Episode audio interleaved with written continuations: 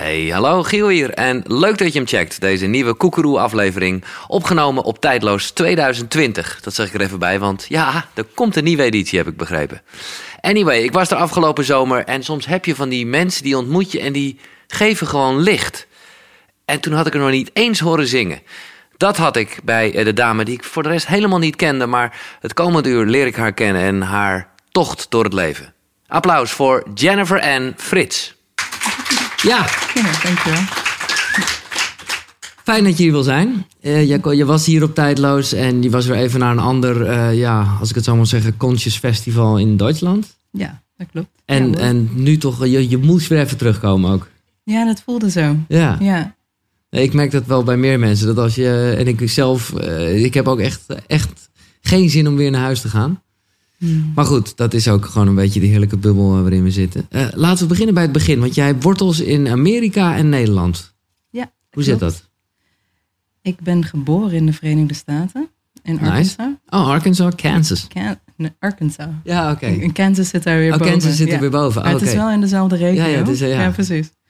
Ja, ik ben, ik ben verwekt in Nederland. Daar begint het dan eigenlijk. Ja? Ehm, in Brabant. En toen zijn ze naar de Verenigde Staten gegaan. Mijn vader is Amerikaan. Ja. En die zat in de Air Force. En zo zijn ze in Arkansas terechtgekomen. Op de Airbase in Little Rock. En daar ben ik geboren. Ongeveer vier jaar geweest. En toen weer terug naar Nederland gekomen. En in Nederland opgegroeid verder. Ja, ja, ja. Dus eigenlijk gewoon voor jouw gevoel vooral heel erg Nederland. Ja.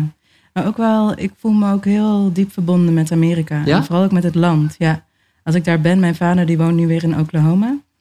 En als ik daar ben, dan voel ik, ja, ik voel me ook echt anders. En dat ik me beter kan opladen. eh, veel energie. Ja. Oh, dat vind ik mooi eh, dat je... Oké, oké. Nou, daar komen we zeker nog wel op wat het dan Mhm. met je doet. Wat jij doet is, nou ja, ik zei al zangeres. Maar jij bent ook iemand die ja, retreats geeft en, en ceremonies met name. Mhm. Allerlei verschillende soorten. Wat, wat is een, hoe zou je een ceremonie... Wat is eigenlijk de definitie van een ceremonie? Hmm, ja, dat is een goede vraag. Want ehm, de ceremonies eh, waar jij waarschijnlijk naar doelt eh, en waar mijn werkveld ook ligt, ehm, dat zijn meer de ceremonies geworteld in de oude tradities. Maar in feite is een bruiloft ook een ceremonie. Ja, nee, precies. En ehm, dus eigenlijk, ja, de definitie is volgens mij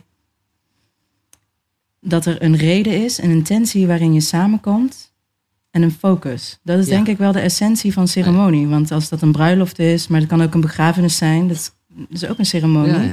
Om iets te eren. Ja. Ehm, ja, en waar ik meer, eh, me meer in verdiept heb, zijn de ceremonies van oude tradities, van tribes. ja. Ja, Dus het ook vol met mooie eh, rituelen. precies. Ja. Ja. Nou, laten we beginnen met de meest, nou ik weet niet of het de meest onschuldige is, het heeft ook zeker wel wat, Eh, de, de cacao-ceremonie. Mm. Eh, ja, ik vind, voor mij, ik heb het hier een beetje aan mogen proeven, ik vind het heel bijzonder, omdat ik Mm. het gewoon, ja, voor mij was chocola gewoon chocola. En dus Mm. cacao gewoon cacao, waarvan ik nog net wel wist dat het tot de superfoods behoorde. En als je pure chocola neemt, nou ook weer met dat trainen, wist ik gewoon, oké, en, eh, 98% eh, is lekker. Ja, dat is wel heel wat. Dat Dat je allemaal weet. Ja, Heel veel denk, mensen ja, Die kennen de denken- chocoladereep of Ja, de chocoladetaart. En eh, ja. ja. Maar wat is, wat is de power van een cacao-ceremonie? Hoe, hoe- Hmm. ja. Dat komt uit de Maya-tijd, geloof ik. ja, van de Maya's en de Azteken, dus in Midden- en Zuid-Amerika. En zij gebruikt, of eigenlijk heeft de cacaoboon, die heeft een hele evolutie doorgebracht. Ehm, op de een of andere manier in die tijd, wat ik in ieder geval vermoed, is dat zij meer connected waren met hun spiritualiteit. En op de een of andere manier in contact zijn gekomen met de boon. Mhm. ehm, geleerd hebben door meditatie hoe met die boon te werken. En dat ze erachter kwamen als ze daar dranken van gingen creëren. eh, en daar eigenlijk ook heel veel lucht in brachten. Chili zat er, was eigenlijk de basis. ehm, en honing, als ze dat hadden. En dat dronken, eh, dat ze in contact kwamen met de spirit. Of spirits. En theobromina, wat de Latijnse naam is ook van cacao. Dat betekent food of the gods, dus voedsel van de goden. En zij dronken dat ook voor allerlei eh, rituelen, riten, ceremonies. Eh, het was ook voor de jagers, want eh, ja, je, kan daar, je, je, je raakt heel gefocust met de Mhm. cacao. Je, je hongergevoel gaat weg. Ehm, maar er komt een soort ehm, nieuwe laag in de realiteit. En het is heel zacht, dus het is geen psychedelica. Ehm, Maar een soort is- van natural high zit er toch wel in. Ja, het wordt ook vergeleken met een runner's high. Ja, ja, ja, Ja. precies. Ja, ja. Want de serotonine en de endorfine worden vrijgelaten in het brein. Dus je krijgt ook echt een geluksgevoel. Vandaar dat ze ook zeggen van je wordt eh, verliefd van chocola. Of nou, weet je, zo. Dat, dat komt daar wel vandaan. Dat komt van de chemische samenstelling van de cacaoboon. Ik zit me net te bedenken, omdat je elkaar natuurlijk ook vaak in de liefde chocola geeft en zo. Dat is natuurlijk allemaal weer... eh, De wortels zitten inderdaad daar. Ja, ja. ja. Eerst even voordat we doorgaan, hoe weet jij dit allemaal?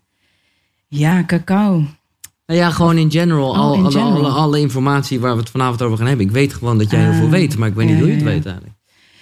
Ja, dat is eigenlijk een, eh, ook een tocht. Net zoals wat jij zei, Ja. van ik was op zoek. En ik paste sowieso als klein kind eigenlijk al nergens tussen.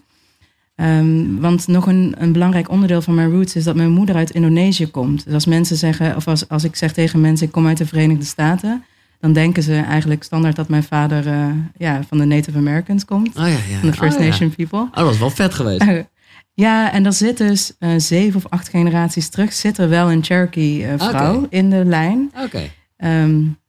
Nou ja, ik had de link helemaal niet gelegd, maar inderdaad, het was wel echt top geweest. ja, dat, Of wordt is vaak dus, gevraagd. Ja, ja, ja.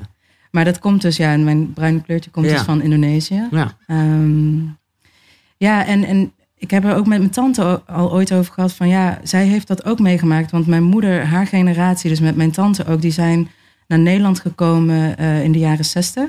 eh, uit Indonesië met een groot gezin. En mijn tante, eh, die had ook altijd moeite om haar plek te vinden in de maatschappij. Want je hoort nergens echt meer bij. Je valt Omdat mensen je niet kunnen buiten. plaatsen. Ja, ja, Ja, maar je kan jezelf ook niet meer plaatsen, want je bent ergens je, je roots, je wortels ben je kwijt. Je voelt je hier thuis en ja, je kent de maatschappij en de cultuur en Ja. je weet hoe het werkt. Maar, Maar, mensen gaan toch vragen, waar kom je vandaan? precies, Ja, ja, onder andere. ja, ja. Ehm, ja, dus ik, ik ging ook door allerlei fases heen, maar ook moeilijkheden in mezelf. En ik kon moeilijk mijn plek vinden. Ik ben in Brabant opgegroeid en het was voornamelijk blanke mensen om me heen. Ik wilde ook altijd blond zijn vroeger. Dat is niet Dat is niet gelukt. Eh, misschien als ik ooit grijs word, dat ik dan een keer blond kan Oh, ja, gaan. ja. Maar eh, Nou, we ja. zullen het zien in de toekomst.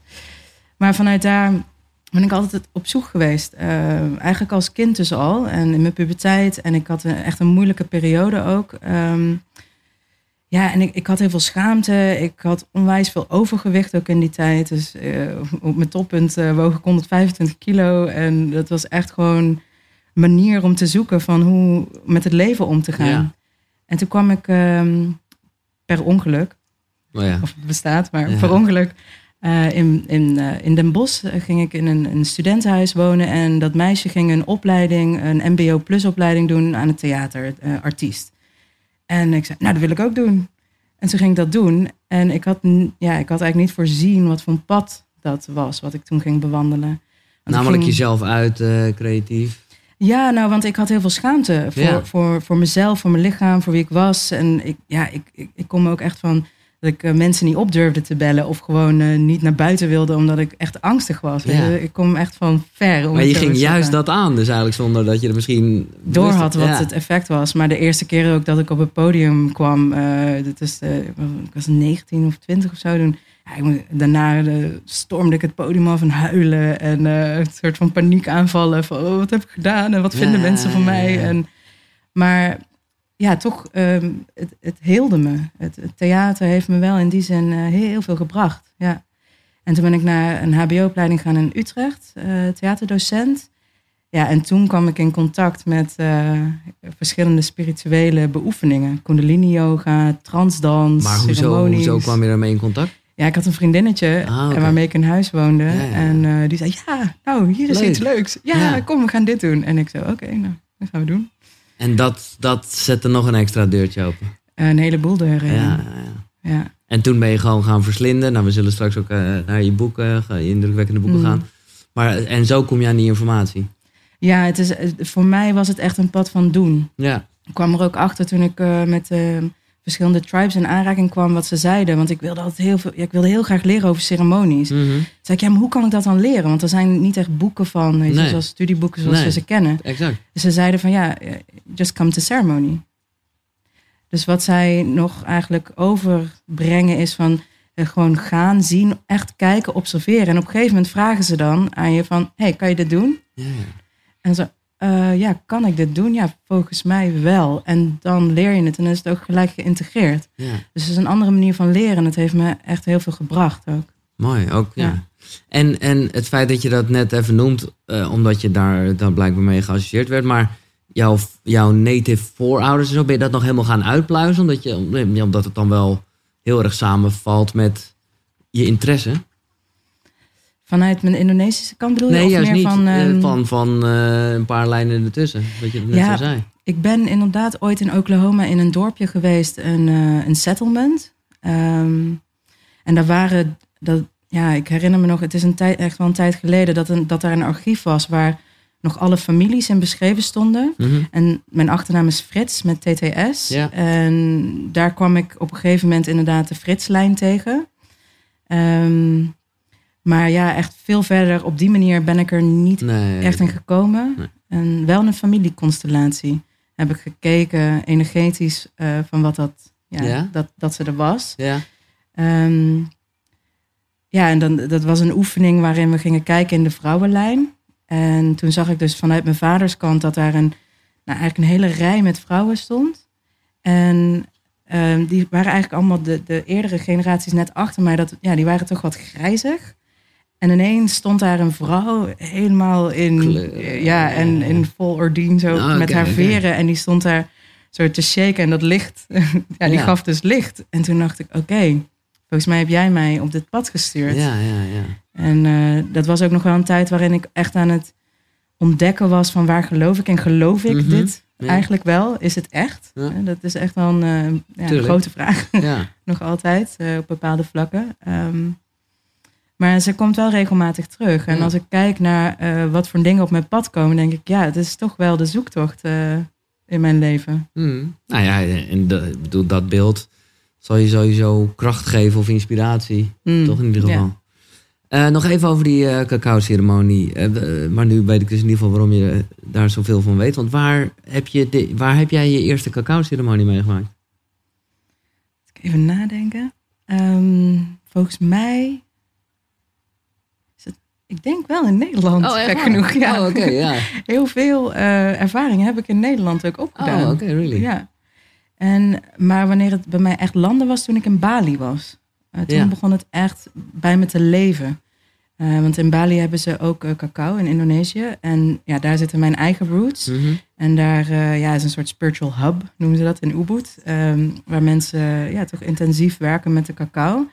Ehm, en met muziek en creativiteit, waarin er voor mij echt eh, iets open ging. Waardoor ik iets anders ging, zing- ging zien in de cacao. Ja. Waarin ze ehm, bepaalde elementen van ceremoniële ehm, ja, tradities terugbrachten in de cacao. Maar er ook een eigen draai aan gaven. Dus het was heel authentiek, heel Ja. persoonlijk. Want je zou het ook kunnen doen precies zoals de Maya's het doen. Maar omdat we zoveel hebben meegemaakt, ja, en wij zijn niet die Maya's Nee, meer of die nee. Azteken. Dus Nee. je hebt altijd je eigen kleur, je eigen ja, input eh, daarin. En, en daar eh, opende dat voor mij. Dat van, oh, ik mag gewoon op mijn eigen manier 2020 eh, versie. Ja. Ja. ja, nee, dat vind ik wel schenken. tof. Ja. En wat ik sowieso, en dat bedoel ik echt niet zo flauw als dat het klinkt, maar dat is mij, eh, ja, begint mij wel steeds verder duidelijk te worden dat het gewoon, en een ceremonie helpt er heel erg bij. Kijk, waar je in gelooft, dat is gewoon zo. En dat kan dus echt letterlijk van alles zijn. Daarom is er ook niet van nee, dit is wel waar en dit is niet waar. Nee, als je erin gelooft, dan is dat zo. En dat vind ik dus wel het mooie aan zo'n ceremonie. Dat, dat de energie tussen mensen, de dingen die verteld worden, de intenties die je geeft. Ja, op dat moment is het echt niet gewoon even pure chocolademelk. Nee, nee. Nee, dat klopt. Ja, en, maar dan ja, om ook weer terug te komen, wat is de definitie van ceremonie? Dat gaat dus inderdaad, een, een ceremonie kan geleid worden door iemand. Dus daar kan een vorm aan zitten, zoals met cacao. Of nou ja, het kan ook een, een, ja, een ceremonie ter ere van iets zijn. Ik Mhm. komt even niet zo snel iets binnen, maar er zijn allerlei redenen waarom je dus een ceremonie kan doen.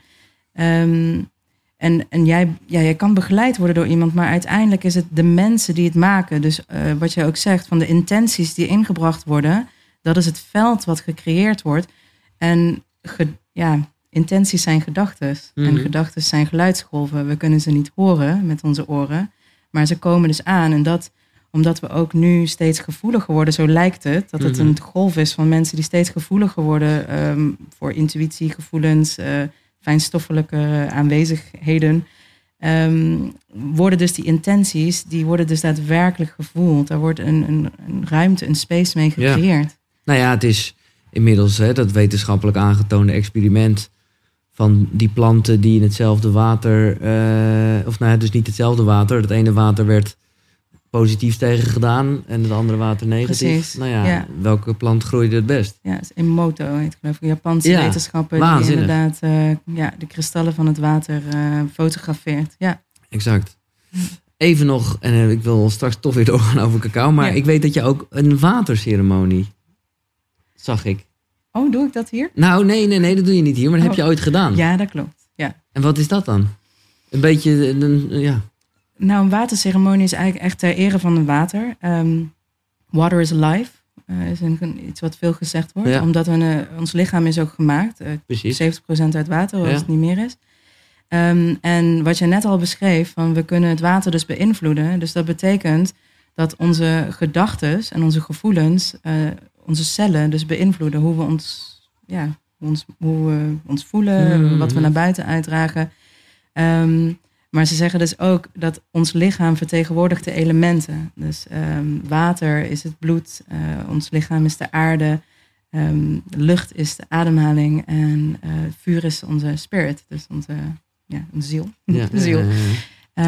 en als we dus het water buiten onszelf weer opnieuw eren, dan eren we dus ook het water in onszelf, maar ook de verbinding die we met alles hebben. Met de natuur, met gewoon Precies. alles. Ja, want ja. water is echt een verbinder. En water heeft ook allerlei verschillende fases. Want een ijs, eh, Mhm. vloeibaar water, eh, bevroren water, stoom, eh, nou, weet je, wolken. Het komt overal weer terug. Ja. En ze zeggen dat het water, wat er op de aarde is, altijd ehm, ja, contained is gebleven. Dus dat het, het, het hoeveelheid water altijd hetzelfde Nee, is gebleven. Ah, ja. Dus, en dat het water een herinnering heeft. Dus alles wat op de aarde is gebeurd, zit in het water.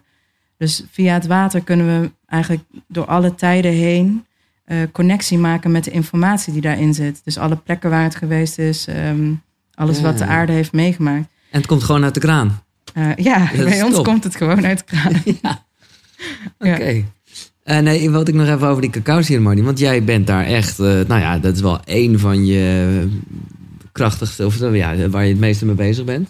Tenminste, eh, naast zingen, vaak ook in de combinatie. Mm. Want je hebt nu zelfs, is dat sinds dit jaar of niet? Je eigen lijn.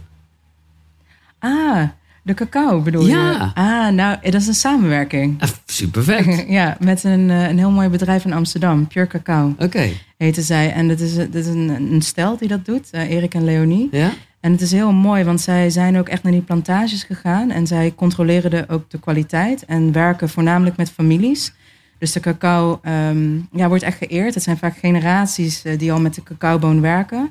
Dus die het ook ceremonieel planten. Dus echt al van het, moment dat het geplant wordt, gebeurt het al met intentie tot het oogsten en het verzenden en, en alles toe. En zij controleren dus ook echt de kwaliteit als het Ja. aankomt in Nederland. En of er pesticiden of andere dingen in zitten. En ehm, En jij, wat, wat is dan het vleugje Jennifer N wat je eraan toevoegt? nou, ik heb, nu, ik, niet natuurlijk, maar ik heb eh, mijn eigen recepten ontwikkelen, Ja. ontwikkeld over de jaren heen. Door te werken met de cacao. Dus er zit ehm, iets bij van een kruid of een dingetje. Ja, kruiden zitten erbij en recept en een stukje verhaal ook. Eh, maar ook ja, hoe je dus kan werken met de cacao. En ik dan denk- mis je voor thuis wel een beetje het ceremoniële gedeelte, maar je hebt in ieder geval wel de, de Nou, is niet helemaal waar. Want ceremonie, dat hoeft niet met een groep mensen te zijn. Want je kan ook alleen ceremonie ja, doen. oké. Dus het is, het- ja, je kan tuurlijk. ook alleen met de, met de plant eh, verbinden. Of met jezelf. Of een meditatie zou je ook ceremonieel kunnen Tuurlijk. benaderen. Ja, ja, ja. Ja. Want nou ja, en we zijn natuurlijk nooit alleen. Als we dat zo op die manier bekijken. Mooi. We altijd aan, aanwezigheid. Ja, ja, ja. Nou ja, mooi. Ehm, ja, en dan is er nog een ceremonie. Daar lees ik niet zoveel over, maar wij hebben het er wel even kort over gehad. En als je het er niet over wil hebben, dan moet je het zeker niet doen. Eh, maar eh, ayahuasca, Mm. het plantenmedicijn. Ook daar zit natuurlijk een hele ceremonie bij. Wanneer kwam dat op jouw pad? Je zei al, je zat op die HBO. Ineens realiseer ik me ook, want ik zag een heel oud filmpje van jou op je YouTube-kanaal... waarbij je een soort dans aan het doen was en Oh zo. ja. Maar dan nu snap ik ineens waar dat vandaan komt. Oh ja? Ja. Waar kwam dat vandaan? nou, dat was gewoon van die eerste HBO-studie. Ah, zo ja. Ja, ja, dat klopt. Ja. eh, ging. ja, dat was een, eh, een eindstuk van het eerste jaar. Ja, ja, ja, oké. Maar eh, ja, ayahuasca, wanneer kwam je daarmee in aanraking? Rond die tijd ook. Ja, oké. Dat is in 2006, 2007 geweest. Ja. En wat heeft het jou gebracht? Een heel nieuw leven. ja.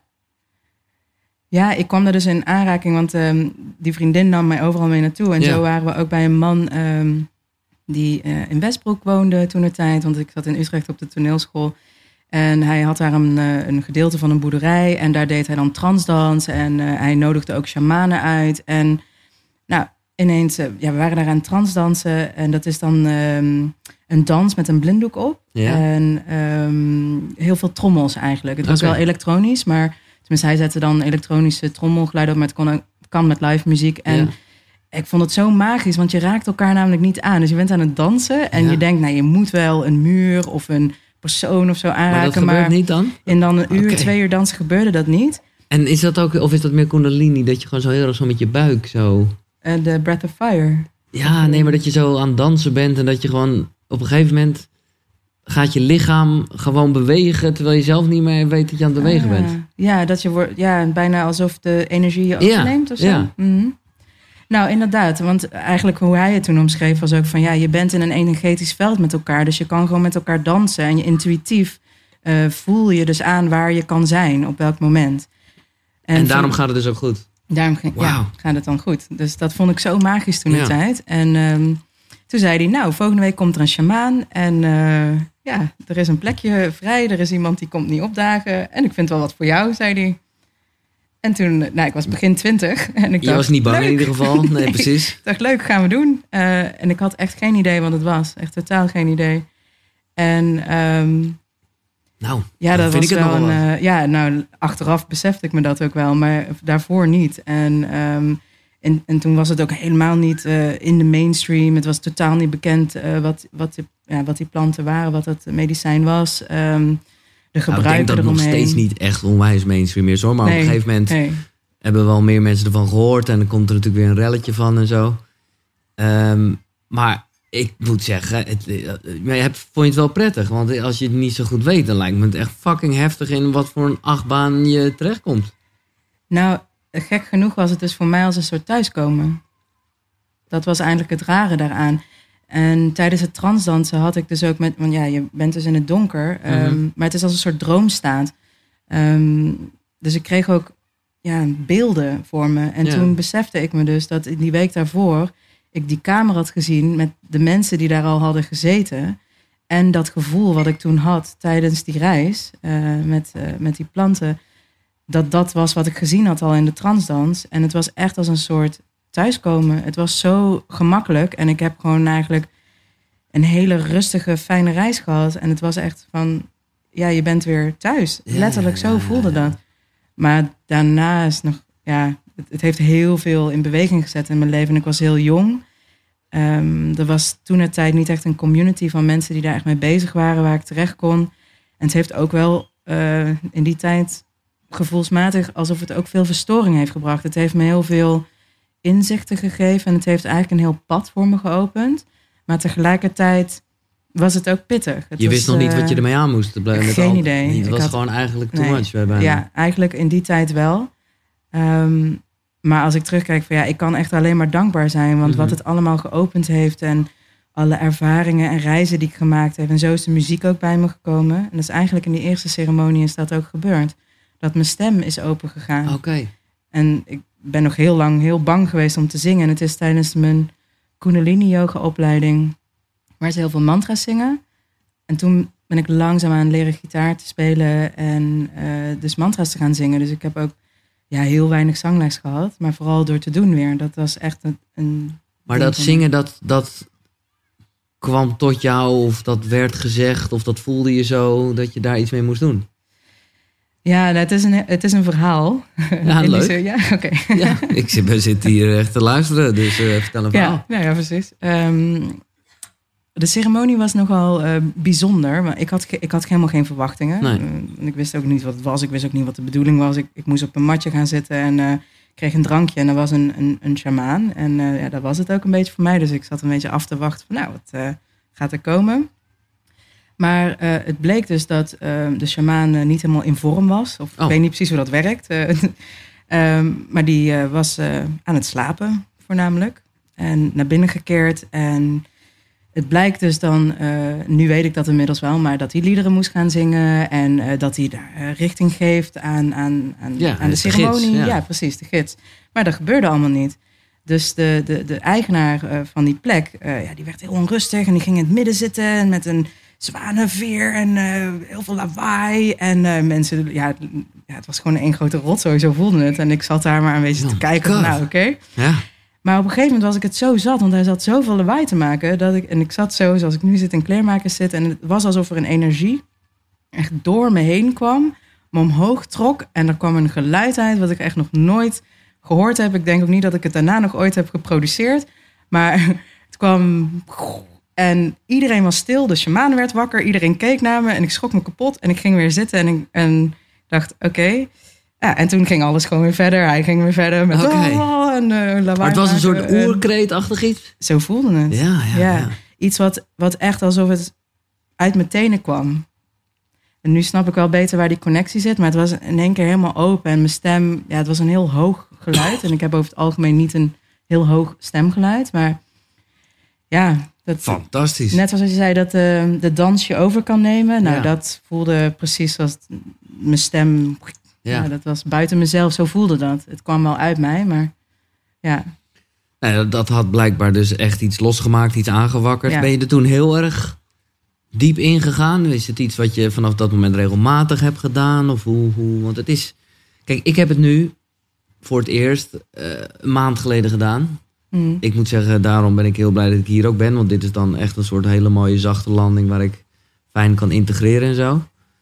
Ehm, maar het is, lijkt me niet iets wat je zeer regelmatig doet. Tenminste, ja, dat weet ik helemaal niet.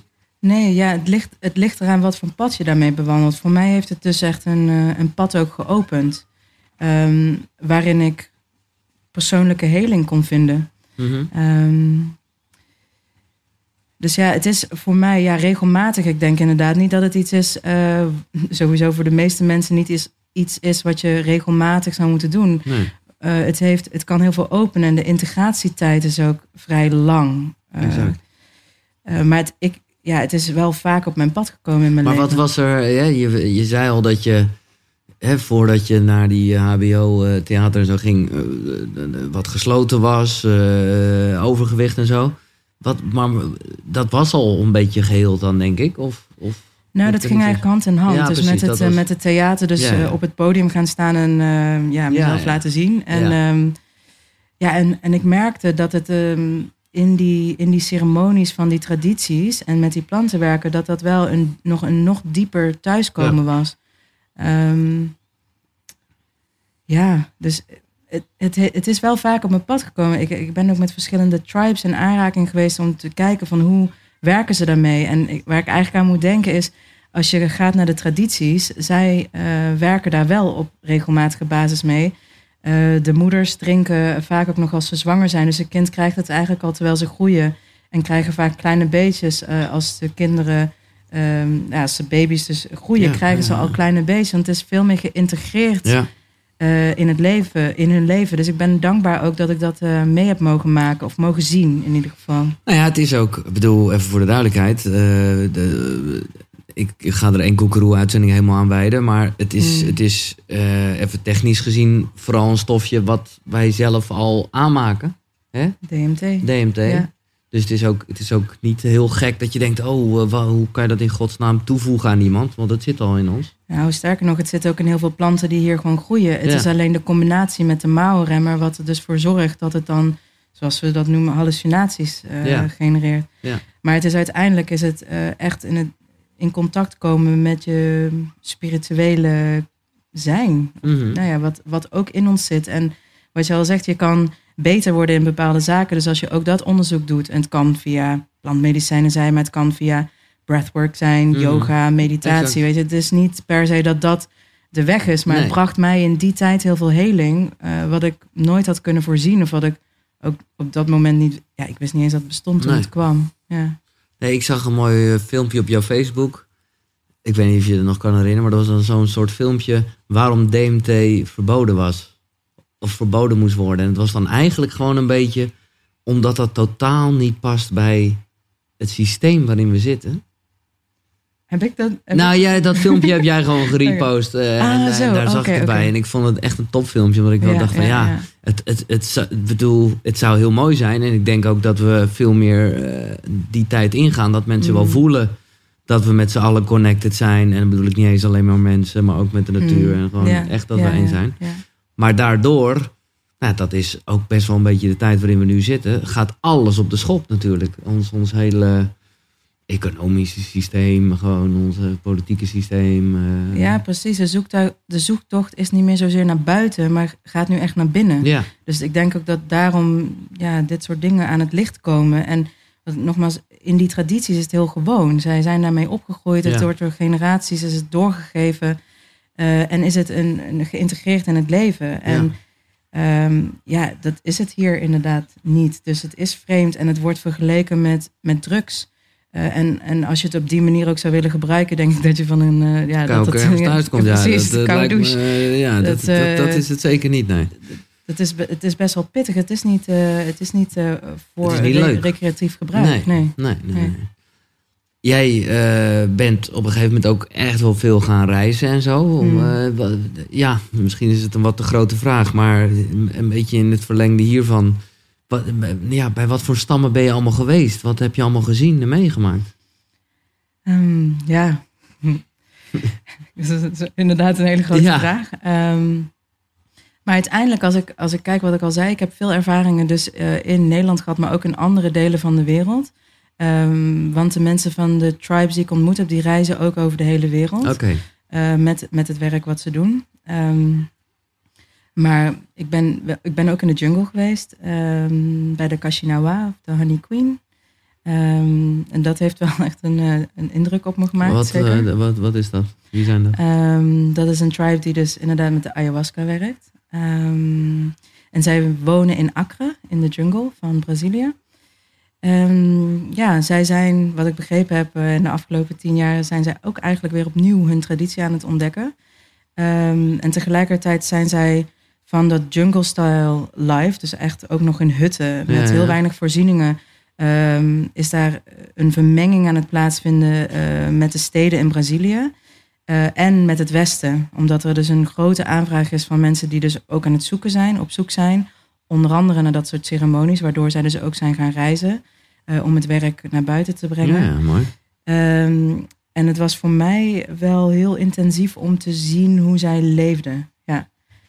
Ehm, en op, het was in 2015 dat ik daar ben geweest. En ergens ben ik het nog steeds aan het verteren, zo voelt het. Maar wat, wat was er zo heftig aan? Of eh, indrukwekkend? Hmm. Nou, het was. eh, ja, op een bepaalde manier zijn zij ook nog daar niet met de tijd mee. Dus ehm, er gebeurt een hele hoop. Ze hebben nu heel veel wensen die omhoog komen. Maar ze kunnen ook nog niet helemaal mee. De voorzieningen zijn nog niet daar.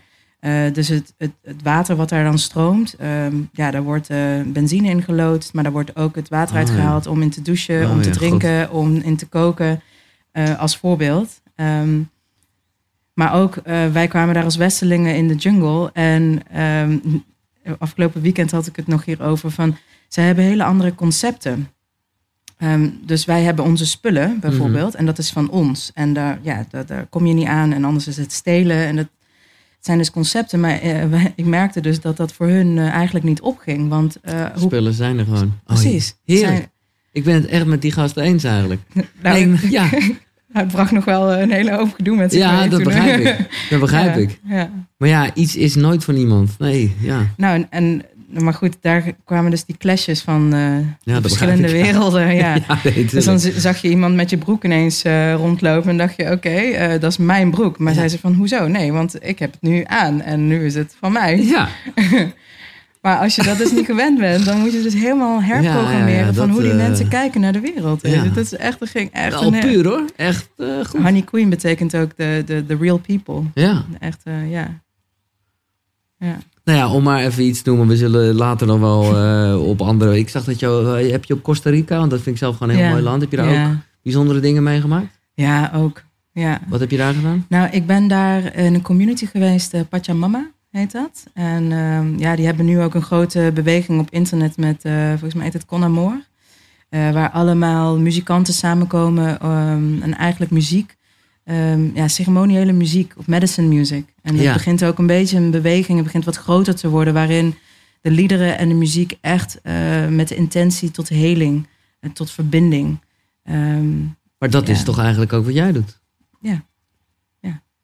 Toch? ja, Ja, het is niet dat jij eh, de, de. Ja, ik bedoel, uiteindelijk zou je kunnen zeggen dat elke muziek op die manier bedoeld is. Maar er zit toch vaak wel een, een soort ander motief achter. Nog steeds Mm. vind ik het iets heel moois hoor. En blijven, vind ik elke muziek van de wereld eigenlijk iets spiritueels hebben. Omdat het gewoon zo bijzonder is. Maar ja, bij, met, met, met de muziek die jij maakt.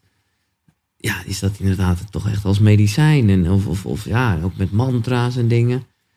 Hoe, ehm, ja, hoe ga, dit, dit, is voor mij gewoon een soort nieuwe wereld van hoe ga jij te werk met, met, met muziek? Want er komt ongetwijfeld weer nieuwe muziek aan. Ja, dat klopt ook. Hm. Ja, de, de wortel van in ieder geval voor mij ook, eh, het komt echt uit devotie voort. En in onze cultuur is muziek dus eigenlijk meer ook van ja, ja je hebt een artiest en die staat op het podium en het moet ook een bepaalde kwaliteit hebben. En ehm, ja, en dan ben je een artiest en dan ben je, en dit is succesvol en dit is niet, Ja. niet succesvol. Nee. En bij mij, wat, ik- ja, wat ik al vertelde, ik kom dus vanuit dat ik niet eens op een podium durfde te staan. Nou, muziek zingen voor anderen, dat was helemaal ver weg van mijn bedshow. Ehm, maar door de Kundalini yoga eh, merkte ik gewoon, als ik mantra's ging chanten, dat was de enige manier om mijn, mijn mind, dus de, de gedachten, eh, tot stilte te brengen.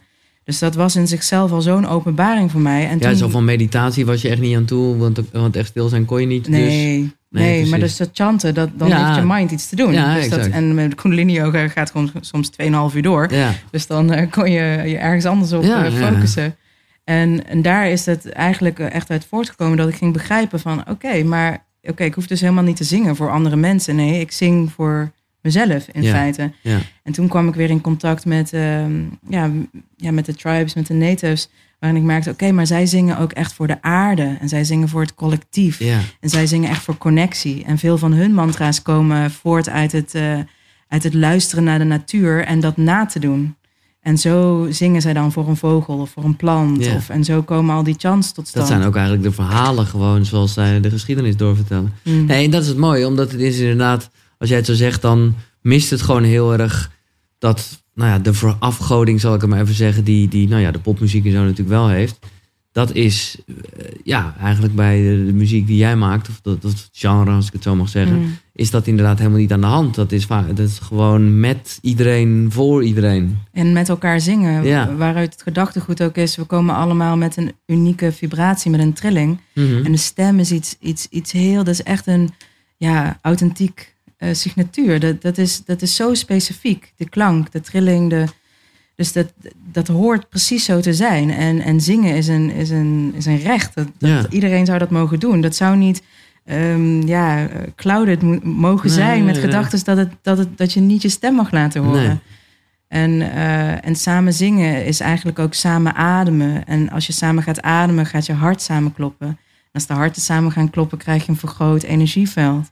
Dus dan kom je dus in een heel groot gezamenlijk veld terecht. Ja. En, en ja, dat ga je dus dan voelen. Nou, ik zou je zeggen, ik heb dat eigenlijk nog nooit verteld, omdat ik me een beetje verschaam. Maar ik ben op een gegeven moment, of nou, het is nu even een tijdje gestopt, maar ben ik op zangles gegaan. Mm. En het was eigenlijk helemaal niet omdat ik nou wilde zingen. Ik wilde vooral eh, gewoon mijn stem beter gebruiken. Omdat ik gewoon, eh, collega's van mij, discjockeys, die kunnen heel goed stemmetjes nadoen en zo. Mm. Ik kan dat niet. En ik dacht ineens van ja, daarvoor moet je gewoon je klankkast goed kunnen gebruiken. Dus nou ja, zo belandde ik bij iemand. En ik moet zeggen, jongen, hoe omdat het mij dus ook geen reet uitmaakt of ik mooi of niet zing. Daar gaat het mij niet om. Ik wil gewoon even die techniek eh, leren. Wat voor die muzieklerares ook best wel een soort verademing is. Want ik, ik ga gewoon vol gas. Maar hoe gelukkig ik daar altijd van terugkom, jongen. En nu zeg jij dit zo, denk ik, ja, zingen is echt gewoon wel... Nou ja, als ik het... bedoel, het is echt wel vergelijkbaar met, met andere dingen die lekker voor je zijn, als inderdaad mediteren, yoga of wat dan ook. Het is echt, Sporten, ja, Ja. ja. al die dingen. ja, Ja, het, is, het bevrijdt ook. Eh, Ja. Het, zit ook. Het middenrif zit vaak heel, heel vast. En daar gaan ook trauma's vastzitten in het middenrif. En eh, ja, dat is dus het belangrijkste, eh, de belangrijkste spier ook. Als we onze stem gebruiken om de lucht door de vocal cords nou, het Mhm. geluid te produceren. Dus ja, als je dat eigenlijk weer meer ruimte gaat geven, dat betekent ook letterlijk dus dat er ja, meer levensenergie, meer lucht, meer levensenergie in je cellen kan komen, meer zuurstof. eh, ja, Ja. Het, is, het is allemaal met elkaar verbonden ook. Ga zingen mensen. Gewoon doe het Ja, dan onder de douche. Ja, ja, maar is toch top. Maar vind je het dan moeilijk om, omdat zoals jij erover praat, en dat vind ik echt mooi, maar dan heeft het, eh, ja, aan de ene kant is het doe het, maar het heeft ook iets heel, ja, ik weet niet of heilig het woord is, maar vind je het dan moeilijk om, om echt nummers te maken en die op te nemen, omdat dat misschien het proces... Ja, ja, Ja. dat is ook echt niet iets wat ik. Nee, precies. begin- ja, dat klopt. Ja, dat is echt een heel moeilijk ding ook voor mij. En ik begin nu volgens mij wel ehm, een soort van de mix of zo te, te begrijpen. Van oké, ja, is dit is waarom ik het doe. Ja. En oké, als ik het inderdaad wil delen met mensen. eh, want het kwam voort dat mensen vroegen: Oh, ik wil zo graag naar je muziek luisteren. Oh ja, nou ja, dan eh, ga ik dus een CD opnemen. Want Ja. dat is dan zo kan je dat eh, met Ja. mensen delen. Oké, nou, dus dan een CD opnemen. Maar ja, dat, ik vind dat nog steeds, om heel eerlijk te zijn, een, een stressvol eh, proces. Omdat je dan ineens met producties, Ja. ja, dat ontkom je ja, en de druk van de studio en tik-tik tijd. En, Ja, ja, ja, en ja, ik heb eigenlijk meer zin om het te creëren vanuit het ontstaan, vanuit de flow. Maar ik begin het nu wel echt te leren, want ook omdat het echt mijn werk is geworden om met ceremonies, of in ieder geval cacao-ceremonie, Ja. workshops, retreats, muziek te reizen, wordt er van mij ook geacht dat ik op een bepaald eh, moment er ben. Ja. Eh, dus dat is eigenlijk hetzelfde. Want daarvoor heb je ook een soort songs gemaakt die, waarmee je mensen die meedoen aan de ceremonie meeneemt of zo. Moet ik dat zo zien? Ja, het is een gedeeltelijk zijn het eh, stukken die makkelijk mee te zingen zijn. Ja, omdat ja, ik ook niet echt een muzikant muzikant ben, om het zo te zeggen. Nee. Ik, ik heb het geleerd door het te doen weer. Ja. Eh, Ja, top. eh, ja, zijn, is het vrij eenvoudig wat ik creëer. ehm, maar het voelt als een, eh, alsof ik het echt belichaam, mijn muziek. En ehm, dat het heel verbonden is ja, met alles wat ik doe. En de verhalen waar ze uit voort zijn gekomen. En het is nu een combinatie tussen singer-songwriter... waarin er liederen zijn echt met boodschappen... en gedeeltelijk ook chants van bepaalde tradities. Ja, ja, ja, Ja, natuurlijk. En Ja, dat mooi. wordt gemixt. Ja. En want toch eventjes eh, no pressure, maar ook wel weer een beetje. Wanneer kunnen we iets verwachten?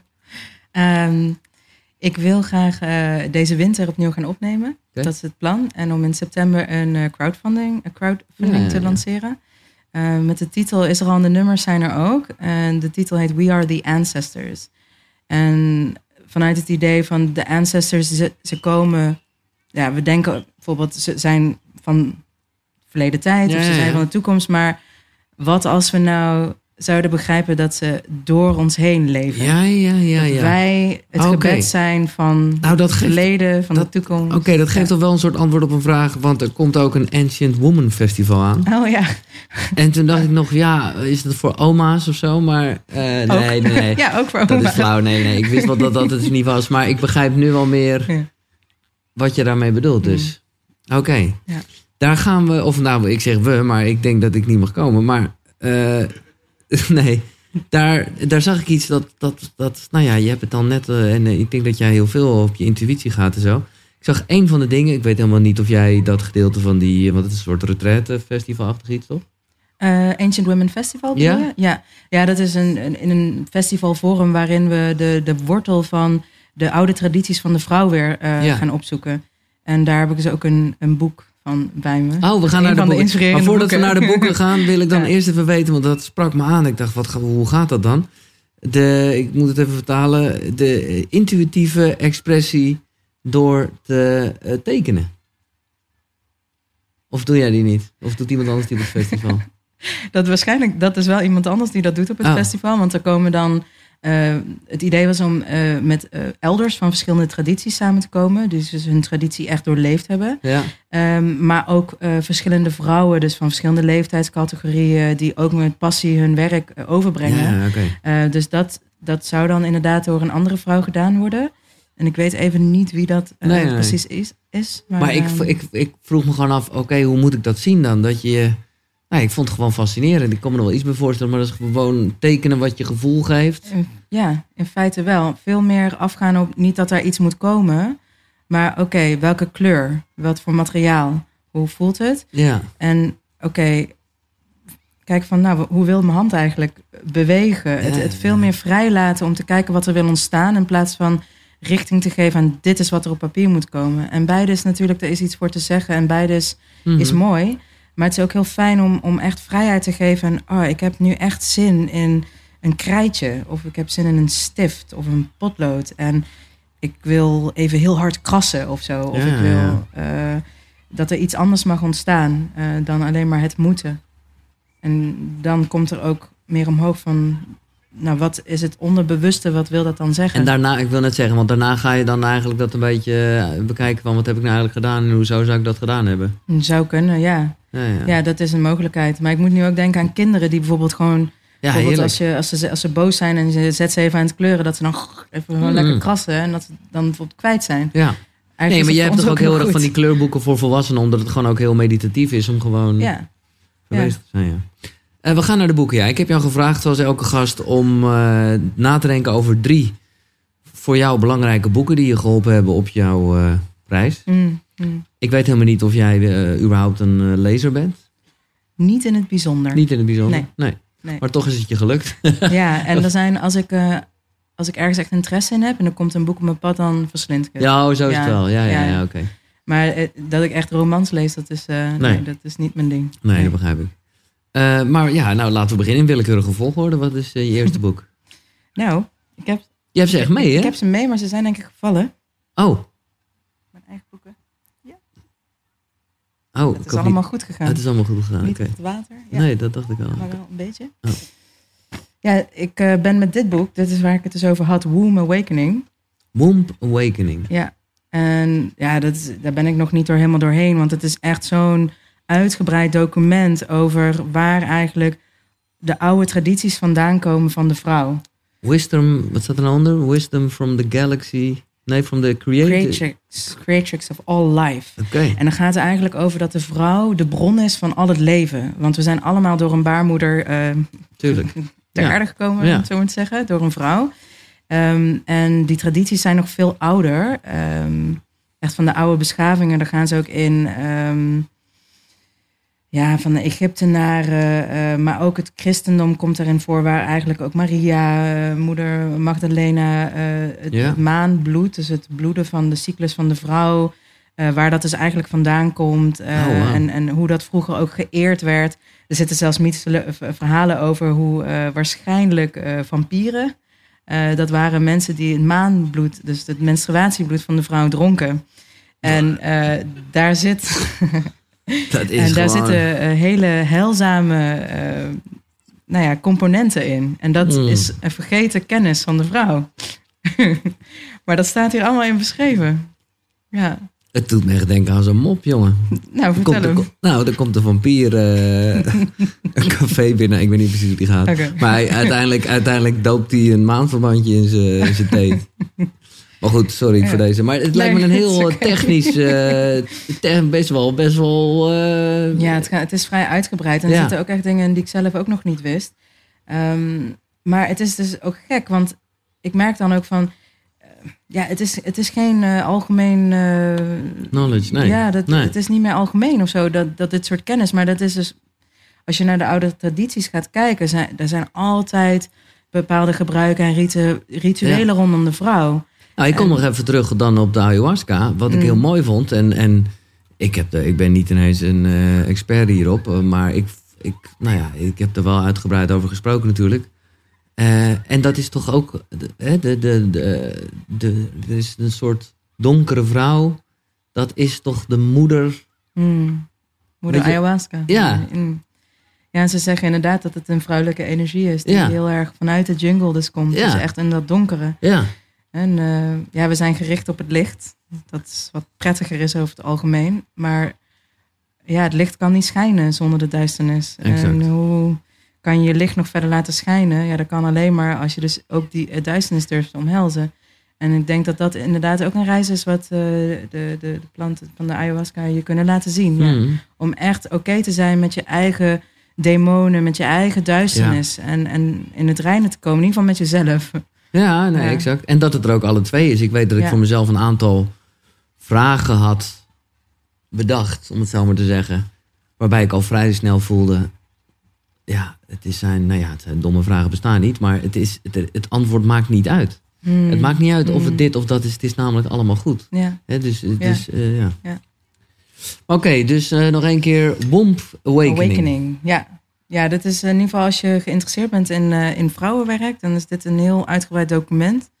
Dus eh, Ja.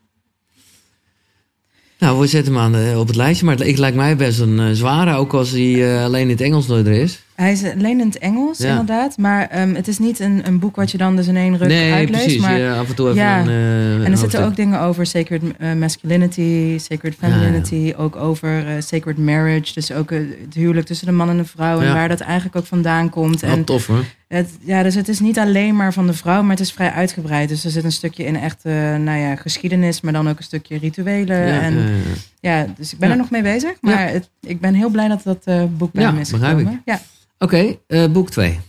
dat heb ik hier ook liggen. Ja. Maar eigenlijk, misschien is het een andersom volgorde, maar dat maakt niet zo uit. het is, eh, Ehm, maakt niet uit. dit is Huna. Ja? En het is Ancient Hawaiian Secrets for Modern Living. En eigenlijk kwam dit boek op mijn pad. Ehm, mijn laatste album heet eh, Urban Shamanism. Ja, Waarin 2018. er, eh, ja, ik kwam toen net uit de, uit de jungle. In 2005 toen kwam ik in Amsterdam en ik was bij vrienden op bezoek en er was een fotograaf en ik was ja, met tools en alles wat ik eh, mee had gekregen aan het laten zien. En toen zei ze, oh, eh, zullen we anders foto's in de stad maken? Toen zei ik, nou, dat idee had ik toen ik in de tram zat. En toen zijn we dus eigenlijk een soort van eh, nou, volle indianenkleding, om het zo maar te Ja, zeggen, ja, ja, ja, midden op de trambaan en in de stad foto's gaan maken. En daar is het idee uit voortgekomen van, ja, maar het is eigenlijk hier ook een jungle in de stad. Mhm. En we zijn ook hier verbonden met die oude tradities. Dus urban shamanism om terug te brengen in de stad. En toen ik het cd eh, Urban Shamanism dus uitbracht in 2018... eh, stuurde iemand me een bericht. Zei, hey, ik heb eh, gezien dat je cd hebt uitgebracht. Een vriendin van mij heeft het boek aan mij gegeven. En die is een paar jaar geleden overleden.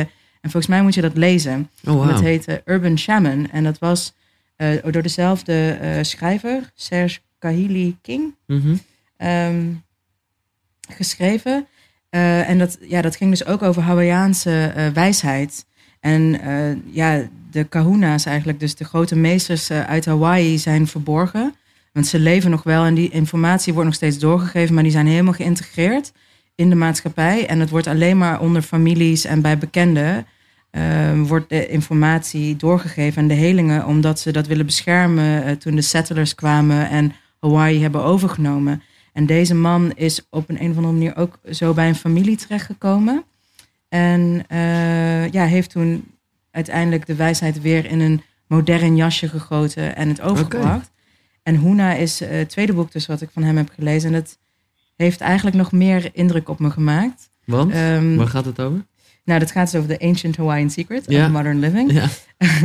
Ehm, maar dit boek, dat, ehm, ja, het, het is makkelijker om te lezen, sowieso. En voor mij komt het heel erg overeen met ehm The Secret eigenlijk. Dus Oh, met de oké. Law of Attraction. Ja, exact. Eh, maar dan zitten er meer wortels in ehm, van de oude tradities van Mhm. Hawaii. Dus er zitten ook bepaalde gebruiken in uit Hawaii. En dat is voor mij dan ook weer, ja, daar zit, ligt dus ook mijn interesse. Ja. Die oude tradities. ja. Eh, maar dat is voor mij een hele mooie brug. Eh, er zitten gewoon hele mooie pareltjes Ben je al naar. Hawaii geweest? Ja, Oké, tuurlijk. ja, ja, ja, dat, is ook he- heel fijn. Oké. ja, want mijn roots liggen dus in Polynesië en dat zit daar aan elkaar verbonden, Ja, ook met ja, de ja. Maori's. En dat begin ik nu ook steeds verder te ontdekken. Mooi. En eh, je derde boek, dat heb je niet bij je. Dus dat Heb ik niet bij me. Nee. Maar dat is, dat is een boek wat ik al meer dan tien jaar geleden, ik denk dat elf of twaalf jaar geleden, eens heb gelezen. En dat heet De Geometrie van de Schepping van Trunvalo Melchizedek. En dat gaat over sacred geometry en over ehm, oude beschavingen en buitenaardse beschavingen. En ehm, ja, vooral over sacred geometry, daar spreekt hij heel erg over. Ja. Ehm, en toen de tijd was dat echt zo'n eye-opener van... Moet gelijk denken aan Janosch, Ah, ja, ja, ja. die daar heel ja, erg mee bezig is. Ja. eh, Ook hier op het festival met de geometrische ja. dingen. En dat alles, nou ja, welk, hè, als je een cel bekijkt onder de microscoop, ja. En, en ik moet zeggen, als ik denk aan mijn eigen ayahuasca-reis, dan zag ik niks anders in het begin dan heel veel kleuren en heel veel Mm. geometrische vormen. En zo. Mm. Maar wat, is, wat, wat, wat heeft je geleerd van dat boek, als, ik, eh, als je dat zo kan zeggen? Nou, wat heeft dat me geleerd? Nou, in ieder geval wat sacred geometry is. Nou, wat is dat? eh, nou, wat ik daaruit begrijp is inderdaad... oh, daar het ging heel lang goed. Ja, heel lang hè? ja, de microfoon eh, knalt hier op de grond. Ja, ik denk dat het goed gaat. Ja? Ga ik nog even rechtop zitten? Oké.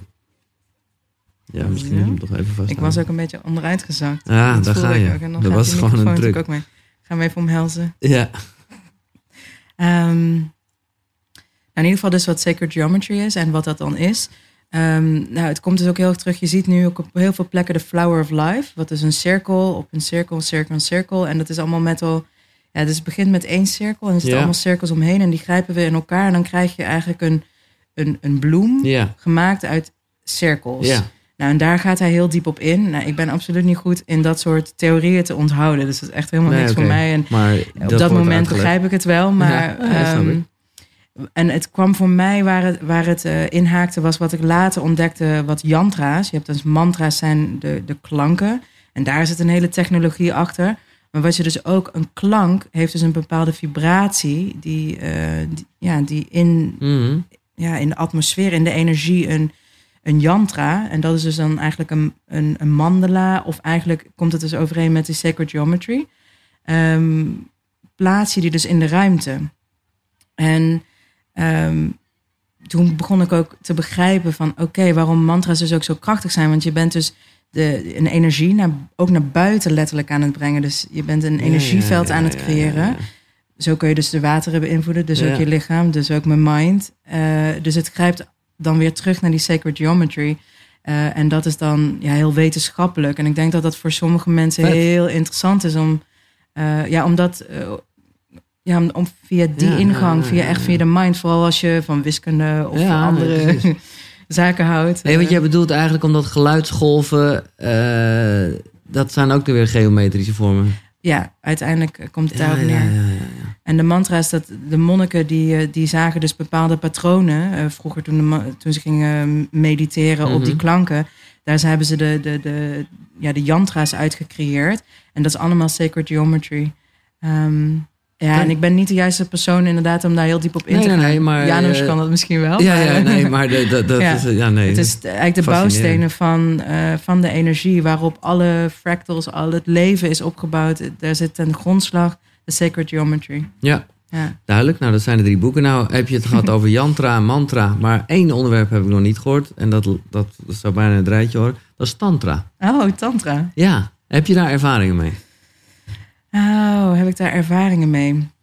Ja, dan wil ik eigenlijk nog een, een vraag aan jou stellen. Want ehm, wat bedoel jij precies met tantra? Goeie vraag. Goeie vraag. Nou, kijk, laat ik vooropstellen dat ik eh, in eerste instantie natuurlijk net als iedereen één bepaalde associatie had met tantra. Eh, inmiddels weet ik wel dat, het, nou ja, dat je het veel meer moet zien in een breder verhaal als het gaat om eigenlijk gewoon levensenergie en ja, hoe zou ik dat mooi, mooi zeggen? Het aftasten daarvan of het meespelen daarvan eigenlijk. Hmm. Eh, maar mijn fascinatie, of eh, dat is ook echt de exacte reden waarom ik wel deze vraag stel, omdat ik gewoon heel benieuwd ben hoe de ervaringen van mijn gasten daarmee is, is dat het voor mij een openbaring was. En ik moet ook zeggen, een uitdaging. Eh, dat je dus een orgasme kan bereiken zonder klaar te komen. Toen dacht ik, dit is precies ja, nee, dat klinkt nu echt een beetje ordinair bijna. Maar ik, nee, ik meen het wel. Omdat ik gewoon altijd wel heb gevoeld van dat seks zoiets bijzonders is. En dat dat Mm. helemaal kapot gemaakt is Hmm. in de tijd waarin wij leven. Waarbij we een soort ritueeltje de hele tijd op filmpjes zien. En denken dat dat het is. Hmm. Ehm, dus dat is eigenlijk eh, mijn fascinatie Mm. ermee. Hmm. Maar ik begrijp, toen nu heb ik het dan toch weer ineens over die seks. Het, het- het is, maar dat is gewoon, nou ja, wat ik zeg, het, het gaat gewoon over energie, denk ik. Hmm. Hmm. Ja, het is Hoe mooi. zie jij het? Wat is, wat is het voor jou? Ja, het, het is mooi ook om dit te horen. Ehm, en seks is denk ik gewoon een, een oerbehoefte ook letterlijk. Ja. Daar komt creatie uit voort. Dus eh, in die zin zou het ook iets heel natuurlijks mogen zijn weer. En niet iets Wat- en, ja. eh, nee. wat je, wat je al zegt. Ehm, maar wat ik wel eh, zie in de westerse wereld... is dat er een, een stukje uit de tantra-leringen... een soort van uit is gehaald... wat voornamelijk gericht is op seksualiteit. Ja. Daar is in principe niks mis mee. Ehm, maar dat is niet het complete plaatje. Dat is net zoals eigenlijk dat yoga eh, bestaat ook uit veel meer dan alleen asana, wat de beoefening is van Mhm. de, ja, de asana's. Ja, van, ja, ja. precies. Ja. Eh, daar zitten nog, nee, daar zitten eight limbs of Patanjali zitten Mhm. daaraan vast. En zo heb je dus met de tantra ook. Het is een veel uitgebreider onderwerp. Ja. Ehm, en wat mij eigenlijk fascineerde was toen ik in een ashram was in India, eh, dat ik daar een jongen ontmoette die daar een leraar was. En die kwam dus uit een lineage van eh, tantra-meesters. en die vertelde een verhaal over ehm, zijn opa, die een slang uit het vuur haalde. En dat hij dus eigenlijk vanuit het vuur materie creëerde. En dit zijn ook verhalen die ik gehoord heb ehm, van bepaalde tradities die met medicijnplanten werken. Eh, onder andere in Mexico, maar ook in, in, in Noord-Amerika eh, met de peyote bijvoorbeeld. ja, ja. Waarin ze dus eh, inderdaad dingen uit het vuur halen of uit de aarde. Dus echt het meesteren van de creatiekracht. Dus wat eigenlijk wat Jezus ook deed, water in wijn veranderen. Dat je de essentie van materie begrijpt en daarmee kan spelen om het te transformeren in iets nieuws. Ja. En hij vertelde ook van eh, eigenlijk ja, eh, wat dan tantra voor hem was. En, en dat zijn die lineage waar hij vandaan kwam. En eh, de trainingen die ze deden, dat had absoluut niks met seks te maken. Nee. Want hij eh, was al ver in zijn twintig en hij had een, nog nooit een vrouw aangeraakt. Omdat hij toen hij zijn opa dat had zien doen als kind, zei hij dat wil ik. En hij is daar helemaal voor gegaan. Ja. En dat vond ik fascinerend. Ja. Want wat hij ook, hoe hij, ja, zijn aanwezigheid, maar ook wat hij kon doorzien, zijn intuïtie, Ja, wat hij kon horen, dat was. Ja, zo gevoelig. Ja, En toen dacht ik, ja, op deze manier vind ik tantra inter- interessant. ja. Ehm, maar om het alleen maar te benaderen vanuit de seksualiteit, ik snap de fascinatie. En ik denk ook eh, dat het een hele mooie beweging kan zijn om het ook weer in balans te brengen. Dat we begrijpen eh, dat seksualiteit ook eh, ja, iets diepers is. Dan, Nou ja, hè? kijk, wat je zegt, het is gewoon iets. eh, nou ja, dat, geldt voor mannen en vrouwen, maar zeker bij mannen weet ik gewoon. Is, is het gewoon een ontzettend aanwezige energie. En, en, en ik moet eraan denken, omdat jij zegt transmuteren, dat komt dan heel erg uit de, de Napoleon Hill Think and Grow Rich. Mm, maar, mm. die het heeft over het transmuteren van seksuele energie. Ja, nou, hoe vet is dat, weet je wel? Ja. Want dat is wel. Nou, denk ik dat een hoop luisteraars echt wel zullen begrijpen van dat is waanzinnig. En ergens doen we het ook allemaal zonder het te weten. Ja. Maar als we daar, daar gewoon ietsjes bewuster mee zouden kunnen omgaan, omdat we daar ietsjes meer controle over hebben, omdat we gewoon weten wat het is. Mm, En we kunnen dat inderdaad gebruiken voor, nou ja, noem het inderdaad creativiteit of wat dan ook. ja, ja, Dan, dan, dan is er een hoop minder ongein op deze wereld. ja. Er zitten natuurlijk ook wel weer twee kanten aan. Want als je dan ehm, kan intappen in die krachten. Mhm. Want als we het dan hebben over die innerlijke zoektocht, zijn we eigenlijk op zoek inderdaad om meer, ja, toch meer controle te hebben over onze eigen Ja. creatieprocessen en ja, verbinding met onszelf, ja. verbinding met het zelf. En, en wat doen, maar wat doen we dan met die energie? Dus wat zijn de intenties? Ja, hopelijk wel mooie dingen maken, dat bedoel je. Ja, ja, Ja, nee, tuurlijk. Ja, Want als je dus, eh, dat zijn wel behoorlijke krachten. Want daarom zeggen ze ook van dat dat dus heel lang verborgen is eh, gebleven. Ah, Omdat het dus niet voor iedereen beschikbaar moest zijn. Omdat dat zulke krachten zijn. En als je dat dus dan inzet Foute voor destructie of eh, ja, ja, ja. negativiteit, dan kan je ook alles stuk maken. Dus er moet wel een bepaald bewustzijn ook eh, zijn van wat wil je dan navigeren met die energie? Ja. Wat is je pad? Waar wil je het in investeren? Want dingen kunnen dus inderdaad gecreëerd worden zoals je ze wil zien. Ja. Nou ja, als ik eh, praat over mijn eigen intenties, eh, weet ik dat ze goed zijn. Maar eh, ik, ik snap het wel Mm. inderdaad. Ja, waarom Ja. Dat, dat vind ik wel mooi dat je zegt. Want dat zal wel extra verklaren waarom er toch ook nu nog altijd... nee ja, waarom er gewoon zo'n sluier over hangt. En dat vind ik het gekke eraan. Daarom benoem ik dat net ook zo. En ik heb het wel vaker gezegd. Is dat ik denk dat we in een hele mooie tijd leven. Mm. Waarin, waarin nou ja, spirituele zaken echt wel beter besproken worden. Mensen er open voor staan. Dus niet voor niks een, eh, een festival of een camping als dit aan de gang. maar ja, seks blijft toch altijd wel een beetje daarbuiten nog. Ik vind, daar vind ik Hmm. ons best wel in onderontwikkeld.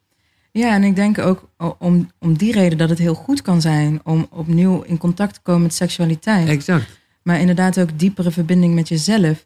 En dus dat die energie niet altijd eh, geuit hoeft te worden ja, in, seks, in seks. Nee.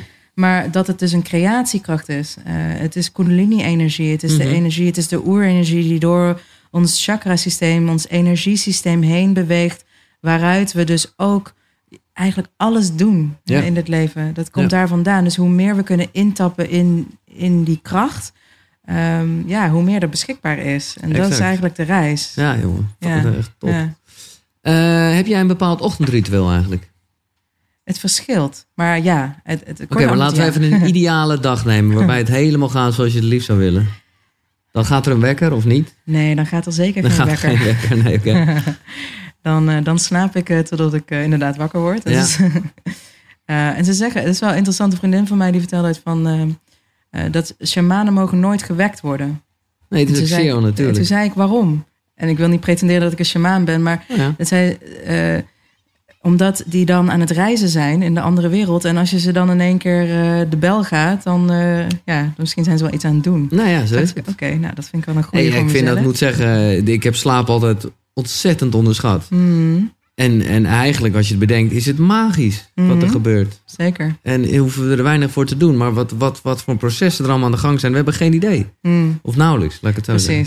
Dus in ieder geval slapen totdat ik wakker word. Ja, oké, ja. En ehm, op dit moment ben ik heel erg eh, bezig met Wim Hof in de ochtend. Oh, oké. Dat dus vind ik echt bam, heel dan- fijn. Ja, ja, ja. ja. En ik doe dan eh, op, op, gewoon op YouTube zoek ik het gewoon op. Ja. Eh, Wim Hof Breathwork. En dan luister ik ernaar. En dan doe ik ja, drie tot vijf rondes. Een beetje afhankelijk van hoeveel tijd ik heb. Ja.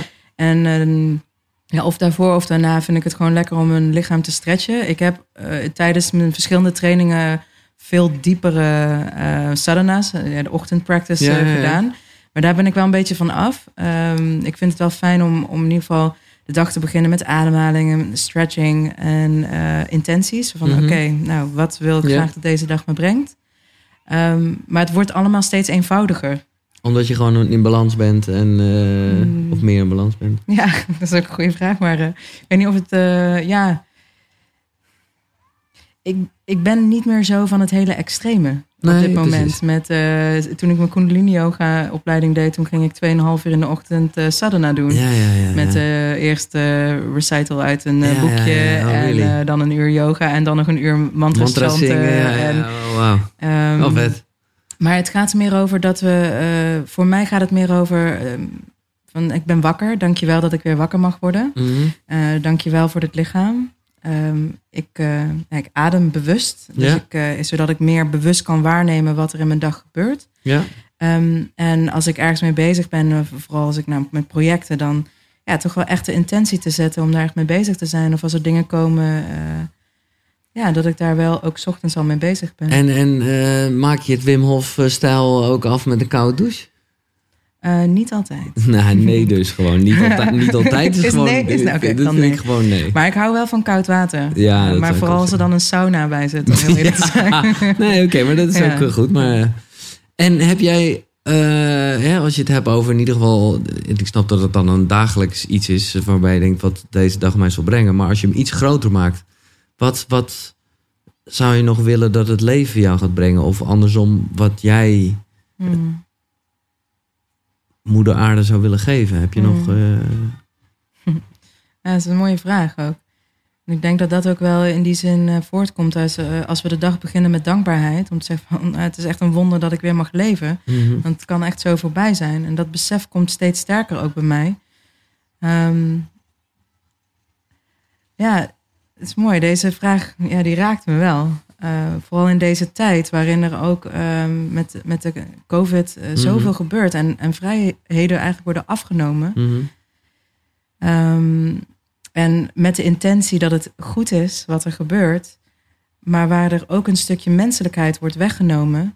Eh, de, in, ja, de intermenselijke connecties, de Ja. aanraking, Ja. de heling. Ehm, dus dat raakt me dan wel. Want wat ik dan wens, ook voor de volgende generaties, is dat ze eh, in contact mogen zijn met zichzelf en via zichzelf met de natuur. Ehm, met schoon, schoon water, eh, schone lucht, gezond voedsel. Dat we weer leren om met de aarde te werken. Hoe de cycli eh, van, van de natuur bewegen, dus de seizoenen. Ja.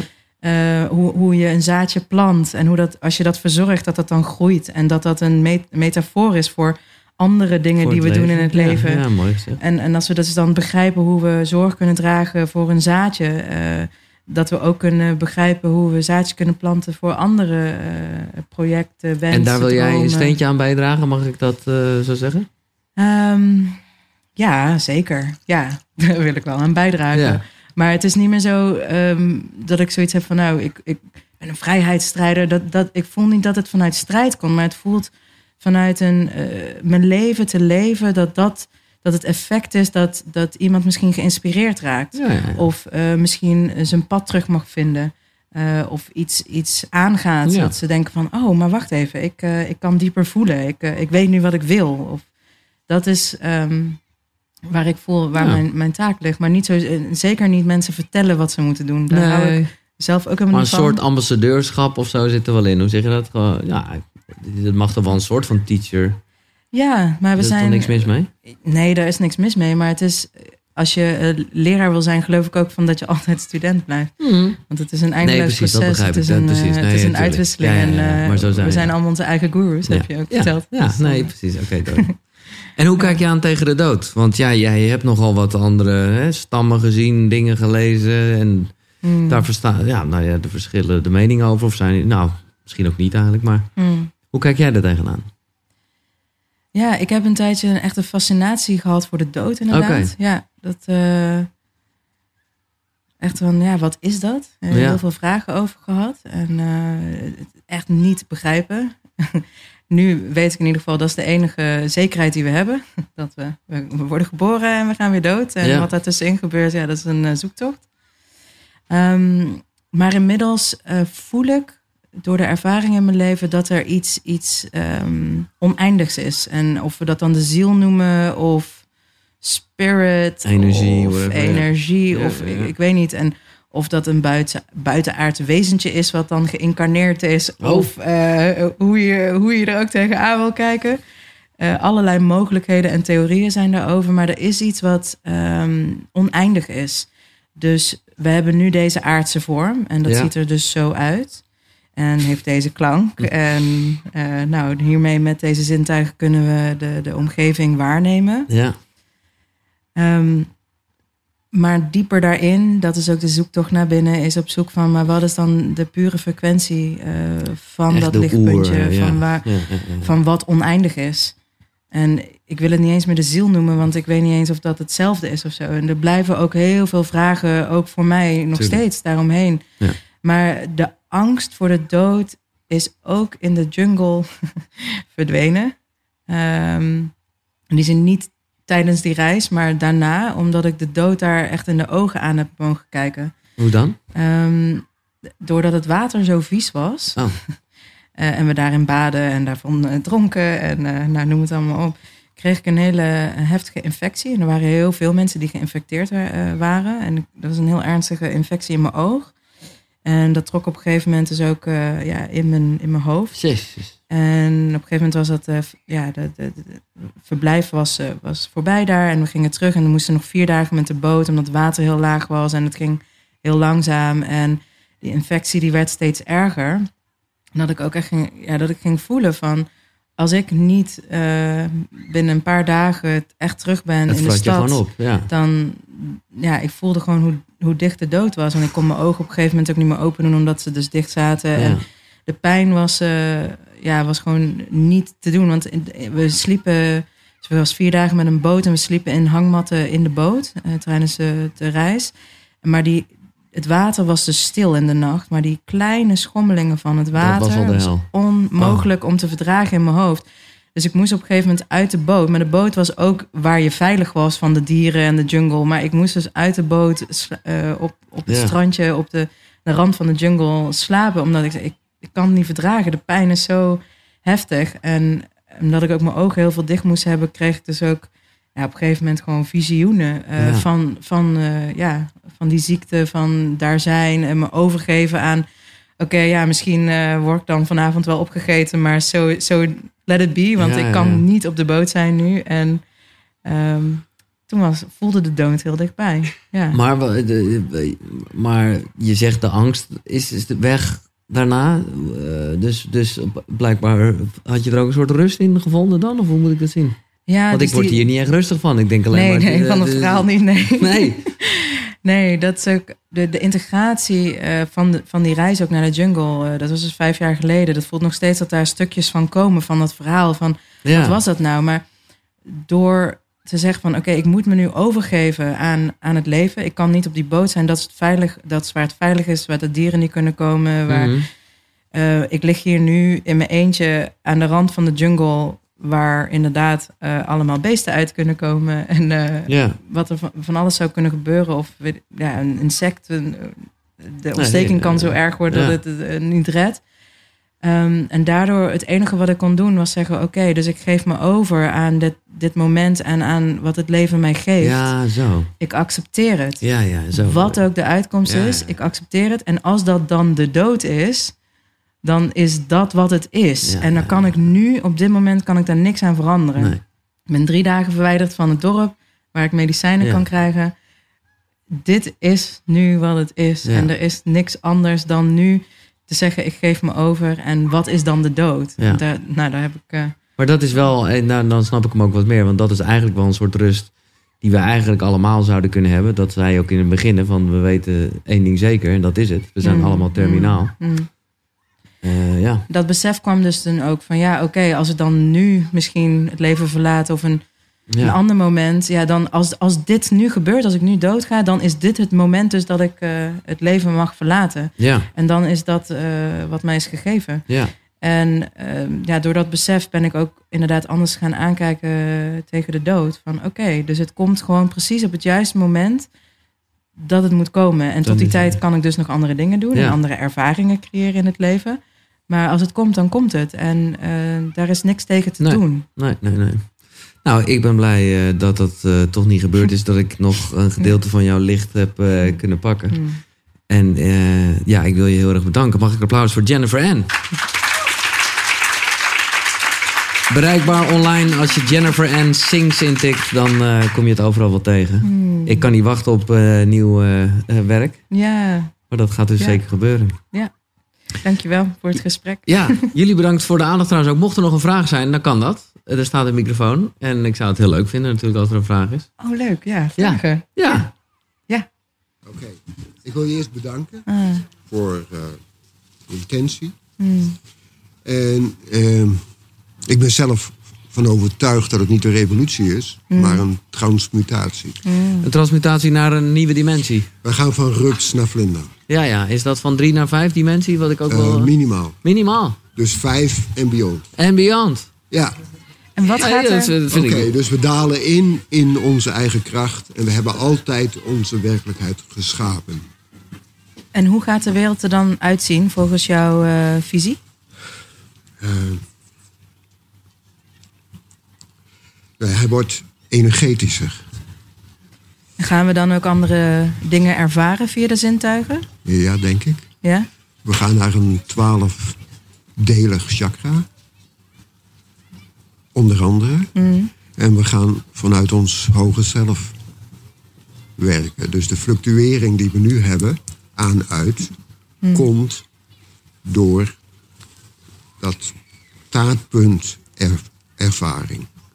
Maar als die taart heel is, Mm. dan zijn we één. Oké, dus dat is nu een Dus fragmentatie. we gaan letterlijk Ja. Naar huis. Ja, Ja, ja, ja, ja. We gaan letterlijk naar die Naar baarmoeder. Naar, die- En- naar, naar dat nulpunt. Ja. En, en, en ik vind dit goed klinken en ik, ik hoor het wel vaker, maar u zegt het nogal. Zeg maar jij. Of ja, je zegt het Zeg nogal. maar Geert. Oké, je zegt het nogal overtuigd. Eh, hoe, eh, ja, hoe, hoe, hoe komt dat?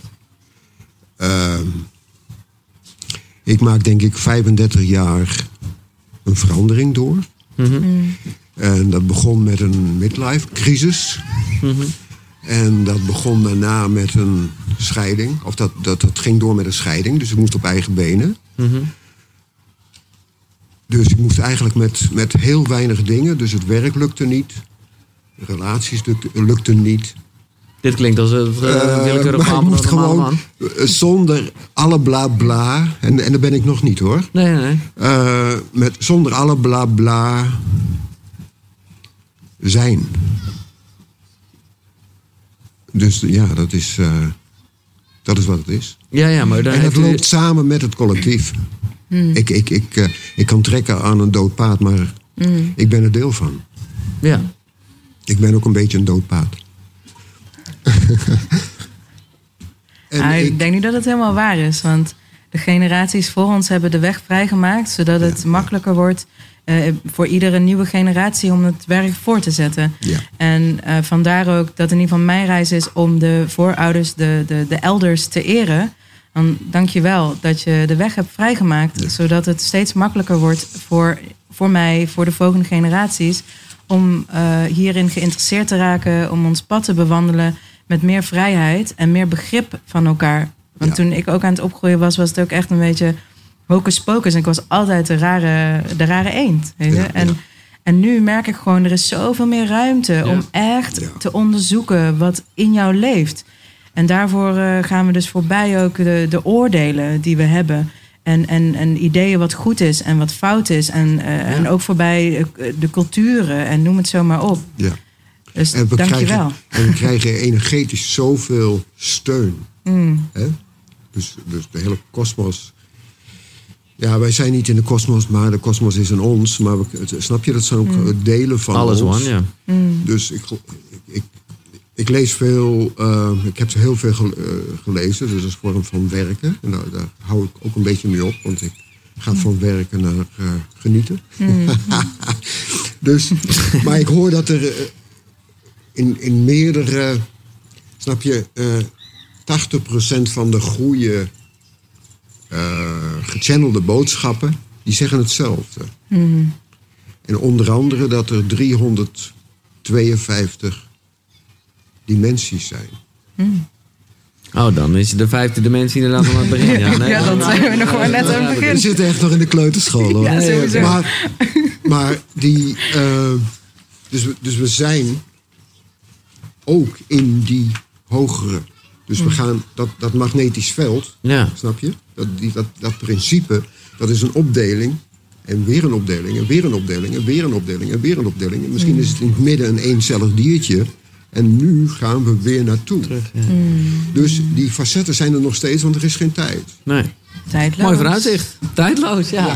Ja, maak, dat je, maak je geen zorgen. nee, dat deed ik sowieso al niet. Maar ik vind dit een... Maar eh, bedankt. Ja. Dankjewel. Ja, ontzettend dankjewel, bedankt. dankjewel. En dan eh, zijn we inderdaad rond met eh, Tijdloos. Eh, Dank jullie wel voor jullie aandacht. Een applaus voor jezelf.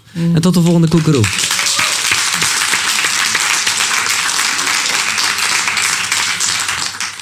Nou, en die volgende, die staat misschien al gewoon klaar voor je. Meer informatie daarover en ook over Jennifer Ann. Haar social media is Jennifer Ann Sings. Dat vind je natuurlijk op de website van Koekeroe. Dat is www.kukeru. Dus k-u-k-u-r-u.nl En nu je toch zover gekomen bent met luisteren, dankjewel. Eh deel hem even op je social media en tag me. Giels, G-I-E-L-S. Of laat iets anders leuks achter. En anders doe je niks. Tot de volgende. Zonnegroet. Hoi!